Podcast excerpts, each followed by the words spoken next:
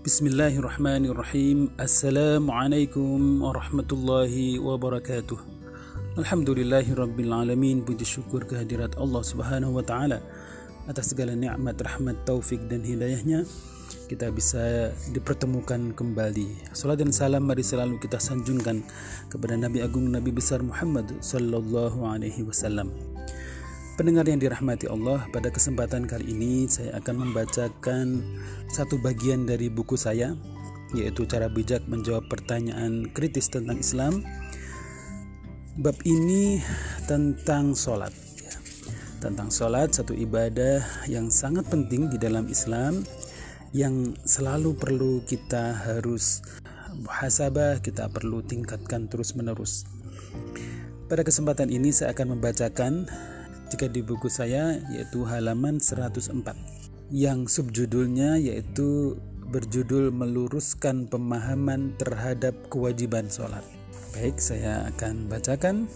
Pada bagian ini saya ingin mengajak pembaca untuk bersama-sama menjelajah pemikiran Nurholis Majid yang sangat kritis dan mendalam jika Sultan Abdul Hamid berpendapat bahwa kurangnya pemahaman atas makna bacaan sholat menjadi penghalang dalam meraih sholat yang membawa kedamaian, ketenangan, kebahagiaan, dan perjumpaan dengan Allah, bagi Nurholis Majid ada bagian yang fundamental lainnya yang harus kita perbaiki.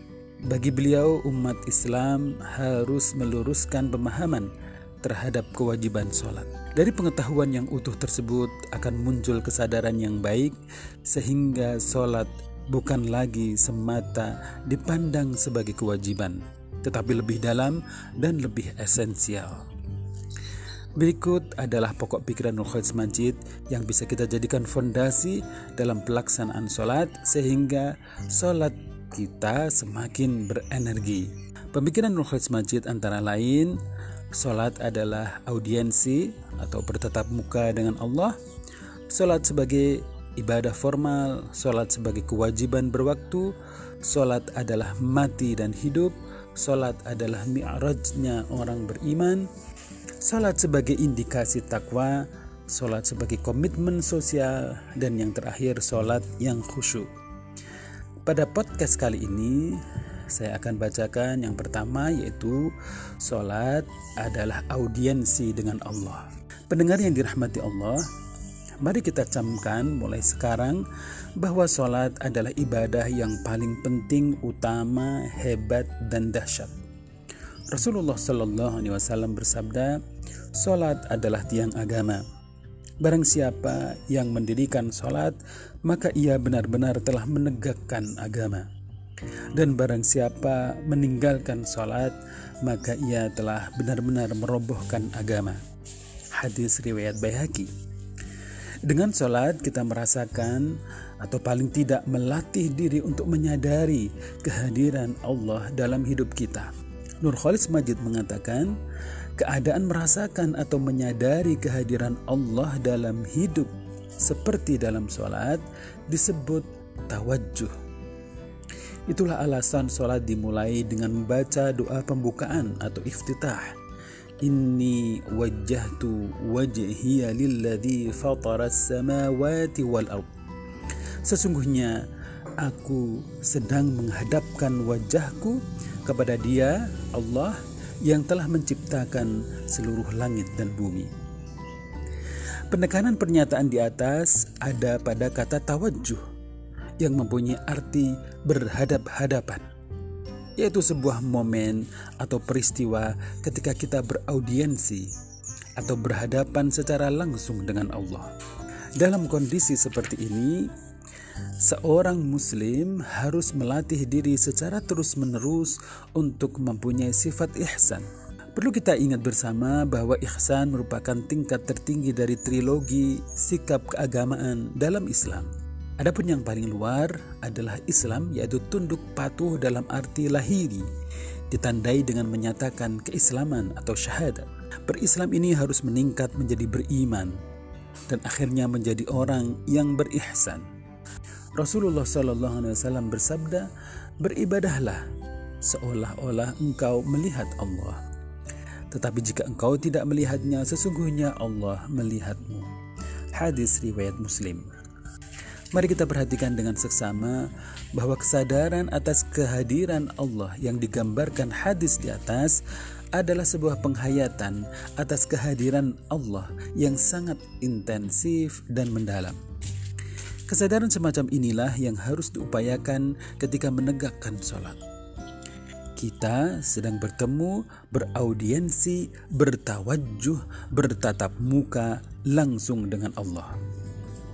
Kita harus benar-benar menghayati situasi ketika menghadap Allah. Jika tidak, bahkan kita yang sudah sholat masih dicap sebagai munafik. Hal ini sesuai dengan firman Allah di dalam Quran surat An-Nisa ayat 142. A'udzu rajim. إن المنافقين يخادعون الله وهو خادعهم. وإذا قاموا إلى الصلاة قاموا كسالى. قاموا كسالى يراءون الناس ولا يذكرون الله إلا قليلا Sesungguhnya orang-orang munafik itu menipu Allah dan Allah akan membalas tipuan mereka. Dan apabila mereka berdiri untuk sholat, mereka berdiri dengan malas. Mereka bermaksud riak dengan sholat di hadapan manusia. Dan tidaklah mereka menyebut Allah kecuali sedikit sekali. Dengan demikian janganlah sekali-kali kita melaksanakan sholat secara serampangan dan asal-asalan tanpa ada kesungguhan. Sholat semacam itu tidak akan mengantarkan pada pahala atau pemahaman tentang Allah malah sebaliknya murka Allah menghampiri kita. Hal ini serupa dengan orang yang berpuasa, tetapi dalam laku puasa tersebut ia tidak menjaga nafsu, tetap berdusta atau berkata kotor. Maka yang diperoleh hanya haus dan dahaga semata. Orang yang melaksanakan sholat dengan tanpa memperhatikan syarat, rukun, dan ketentuan-ketentuan syariat disamakan dengan pencuri sholat sebagaimana sabda Rasulullah sallallahu alaihi wasallam Sesungguhnya sejahat-jahat pencuri dari kalangan manusia adalah orang yang mencuri sholatnya.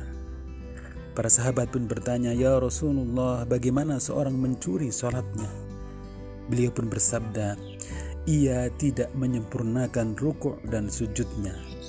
Dan sesungguhnya orang yang paling bakhil, paling kikir adalah orang yang kikir untuk mengucapkan salam. Hadis riwayat Ahmad. Oleh sebab itu perintah solat tidak menggunakan redaksi salu. Bersolatlah. Tetapi aqimus salah. Tegakkan solat. Hal ini karena apa yang dituntut dari salat tidaklah semata-mata tingkah laku fisik seperti rukuk dan sujud, tetapi penghayatan tentang maknanya. Makna yang dimaksud di sini adalah memahami secara utuh dimensi yang dihadirkan dalam sholat. Penghayatan ini dimulai dari ketika mengucapkan kalimat Allahu Akbar. Maka dimulailah pengharaman atas semua tindakan yang tidak ada hubungannya dengan sholat. Dengan ini kita bisa dan hanya memusatkan perhatian kepada Allah Subhanahu wa taala karena itu, menurut Nur Khalis Majid, seluruh bacaan sholat dirancang sebagai dialog dengan Allah. Ini terlihat jelas kandungan makna dalam surat Al-Fatihah. Di dalam surat Al-Fatihah disebutkan dengan sangat jelas dari ayat 1 sampai dengan ayat 4 sebuah pengakuan terhadap Allah Subhanahu wa taala pujian beserta sifat-sifat dan kekuasaannya. A'udzu billahi minasyaitonir rajim. Bismillahirrahmanirrahim. Dengan nama Allah yang Maha Pengasih, Maha Penyayang. Alhamdulillahi Rabbil Alamin. Segala puji bagi Allah, Tuhan seluruh alam. Ar-Rahmanir Rahim yang maha pengasih, maha penyayang. maliki yaumiddin pemilik hari pembalasan. Kemudian di ayat kelima ini sifat tawajjuh sifat berhadap-hadapan dengan Allah Subhanahu wa taala begitu nyata terlihat. Iyyaka ada domir mukhatab iyyaka na'budu wa iyyaka hanya kepada engkaulah kami menyembah dan hanya kepada engkaulah kami mohon pertolongan. Kemudian ayat ke-6 ihdinas siratal mustaqim. Sebuah permintaan yang menunjukkan bahwa kita sebetulnya sangat dekat dengan Allah. Tunjukilah kami jalan yang lurus.